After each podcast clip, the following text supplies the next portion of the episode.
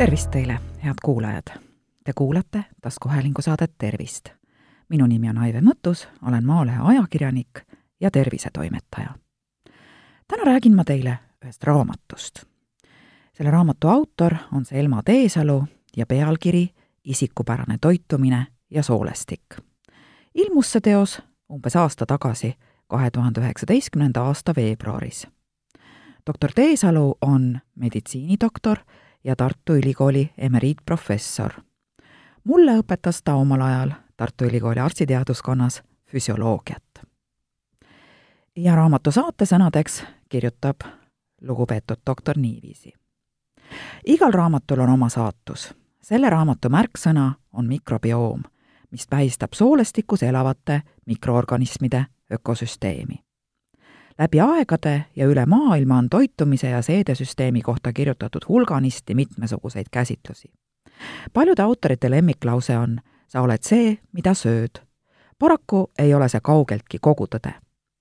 seedesüsteemi intelligentsus väljendub selles, mida organism söödud toidust omastab ja kuidas jäägid kehast väljutab.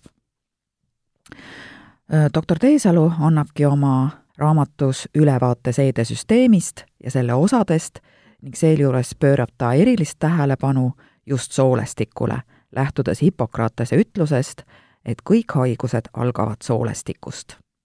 sama hästi võime öelda, et soolestikust saab alguse ka tervis. hea tervise tagamisel toetab ja abistab meid tohutu hulk silmale nähtamatuid sooleasukaid koondnimetusega mikrobioom oma seniste teadmiste täiendamine soolestikualaste teadmistega väärib tähelepanu eriti seepärast, et nende abil on võimalik parandada tervist mitme seedesüsteemiga seotud probleemi puhul. nüüdisajal ongi päevakorrale tõusnud soolestiku ja soolemikroobidega seonduvad küsimused. bestselleriteks peetakse eriti kahte ka eesti keelde tõlgitud raamatut. Need on Julia Endersi Võluv soolestik, kogu tõde alahinnatud elundi kohta ja Michael Mosley raamat Nutika soolestiku dieet. paraku ei ole ükski kirjandusallikas kõikehõlmav. kaks menukiks nimetatud raamatut kõnelevad soolestikust küll väga kaasakiskuvalt, kuid mitte kummaski ei ole mainitud väga olulist seedesüsteemiga seotud transmitterit, serotoniini. seepärast annabki emeriitprofessor Teesalu koos soolestiku käsitlusega oma raamatus olulise teabe ka serotoniini tähtsusest seedesüsteemis. ja nüüd ma loengi teile siis ette ühe peatüki sellest raamatust. peatüki pealkiri on Põhitõed seedesüsteemi serotoniini kohta üle maailma tuntakse, propageeritakse ja praktiseeritakse nii omal algatusel kui ka arstide ettekirjutusel väga mitmekesiseid dieete, olgu siis tervise, enesetunde või väljanägemise parandamise eesmärgil. kogemused näitavad, et radikaalsete ponnistuste või arutute imedieetide asemel toimivad ikkagi sellised dieedisoovitused, mida inimesel on lihtne ja jõukohane järgida Adara dieet on aluseks Ameerika Ühendriikides Massachusettsis McLeani haiglas asuvale haiglapõhisele kaalu langetamise kliinikule, mis avati tuhande üheksasaja üheksakümne kuuendal aastal. Uurinud üle neljakümne aasta teaduslikult serotoniini ja seedesüsteemi seoseid, on doktor Teesalu veendunud, et Adara dieet võiks ka Eestis üsna paljudele sobida erinevalt paljudest muudest dieedisoovitustest võetakse selles dieedis arvesse üht seedesüsteemi olulist regulaatorit, serotoniinergilist süsteemi. ja sellest ka dieedi paralleelnimetus The Good Mood Diet. tõlkes tähendab see siis hea tuju dieet. Meeleolu tõstva toime tõttu ka õnnehormooniks nimetatud serotoniin on organismis tähtis närviimpulsside edasikandja ehk siis neurotransmitter ometi paikneb närvisüsteemis vaid kümme kuni kakskümmend protsenti inimkehas sisalduvast serotoniinist. ülejäänud kaheksakümmend kuni üheksakümmend asub seedekulglas. seedesüsteemi süvauurijad ei väsi kordamast, et just seedesüsteem on kõige võimsam emotsioonide genereerija kui inimorganismis kas ebasobiva dieedi tõttu või muudel põhjustel napib serotoniini, võivad tagajärgedeks olla närvilisus, ärrituvus, tujukus või tujutus, kurnatus, depressioon aga ka söömis- ja keskendumishäired.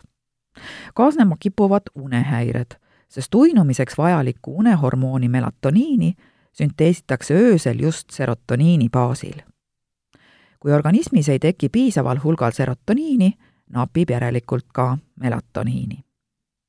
organismile väga vajalikku serotoniini sünteesitakse asendamatust aminohappest nimega trüptofaan.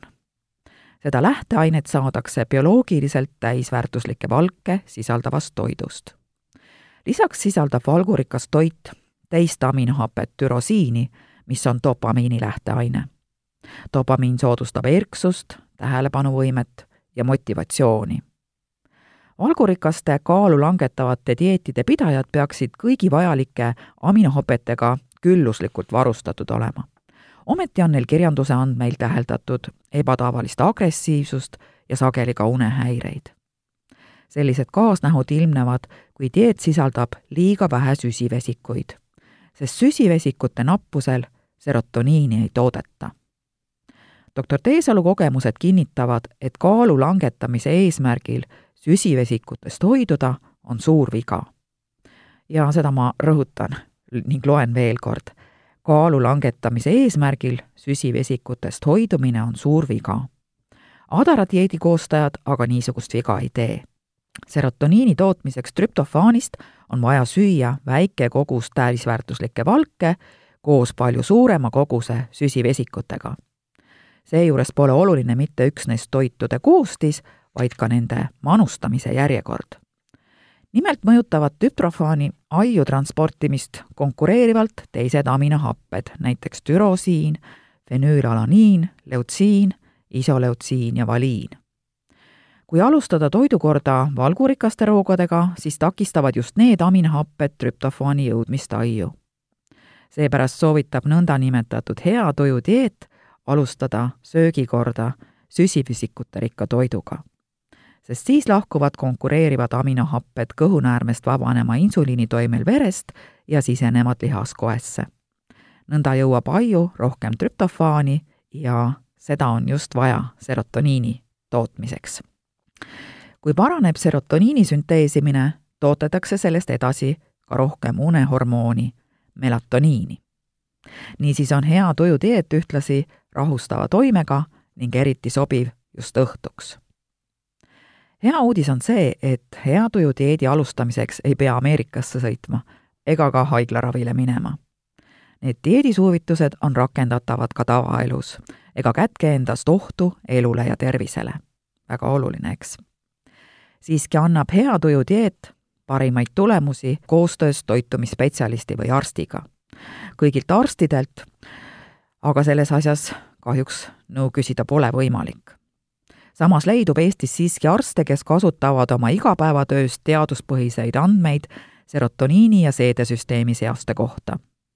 et olla võimalikult terve ja heas tujus, on vaja igale inimesele leida just temale sobiv menüü, võttes arvesse tema elustiili ja seedesüsteemi eripära raamatu Isikupärane toitumine ja suulestik lõpus olevast kirjanduse loetelust leiab mitu raamatut, kust saab selle dieedi kohta rohkem infot.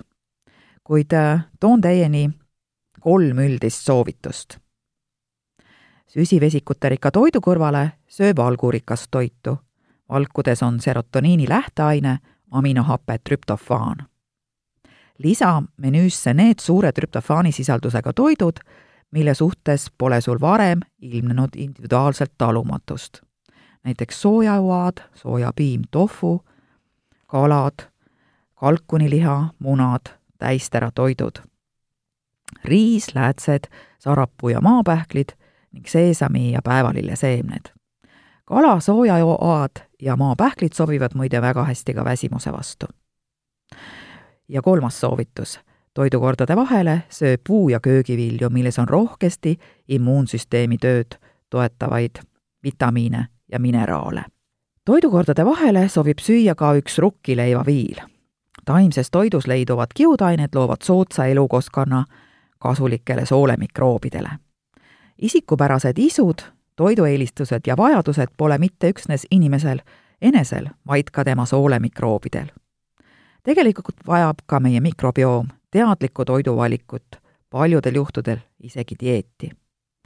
ja seetõttu olekski kõige otstarbekam ühitada hea tuju dieedi soovitused Michael Mosley raamatus tutvustatud nutika soolestiku dieediga. ja abi võiks jällegi olla arsti ja toitumisspetsialistiga nõu pidades. Äh, raamatu kohta ütlen veel nii palju, et äh, seda on kindlasti saada raamatukogudest, aga vaadake ka raamatupoodidesse, võib-olla leiate. ja selle lugemise juures on väga hea see, et äh, reavahe on väga suur ja tekst väga selge. nii et head lugemist teile! aga enne tänase saate lõppu toon veel teieni ühe tervisetesti, mille tegemiseks teil endal kodus kulub tõesti no viis sekundit, võib-olla natuke rohkem. kuigi kaalunäit ja kehamassi indeks on väga olulised, ei räägi need meile kehakaalust kogu tõtt. väga tähtis on ka vöö ümbermõõt, mis näitab äh, siseelundite ümber kogunenud kõhuõõne rasvakogust ja see rasv on just see nii-öelda ohtlik rasv. selleks, et aru saada, kas su piha ümbermõõt on tervislikult sale või ohtlikult jäme, tee nii. mõõda nöörist endapikkune jupp. selleks pane üks nööri ots kergelt suure varba alla, aseta teine pealae eesmisele kolmandikule ja märgi seal näppudega. Murra märgitud nööriosa pooleks ja köida pooleks murtud nöör ümber piha. kas nööriotsad ulatusid eeskokku?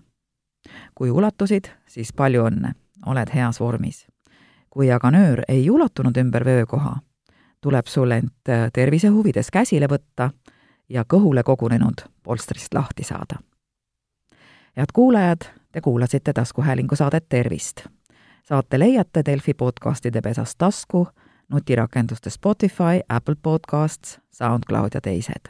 hakake jälgijaks ja kuulake just teile sobival ajal ettepanekuid teemade kohta, mida saates käsitleda, ootan teilt e-posti teel aadressil tervist.maaleht.ee.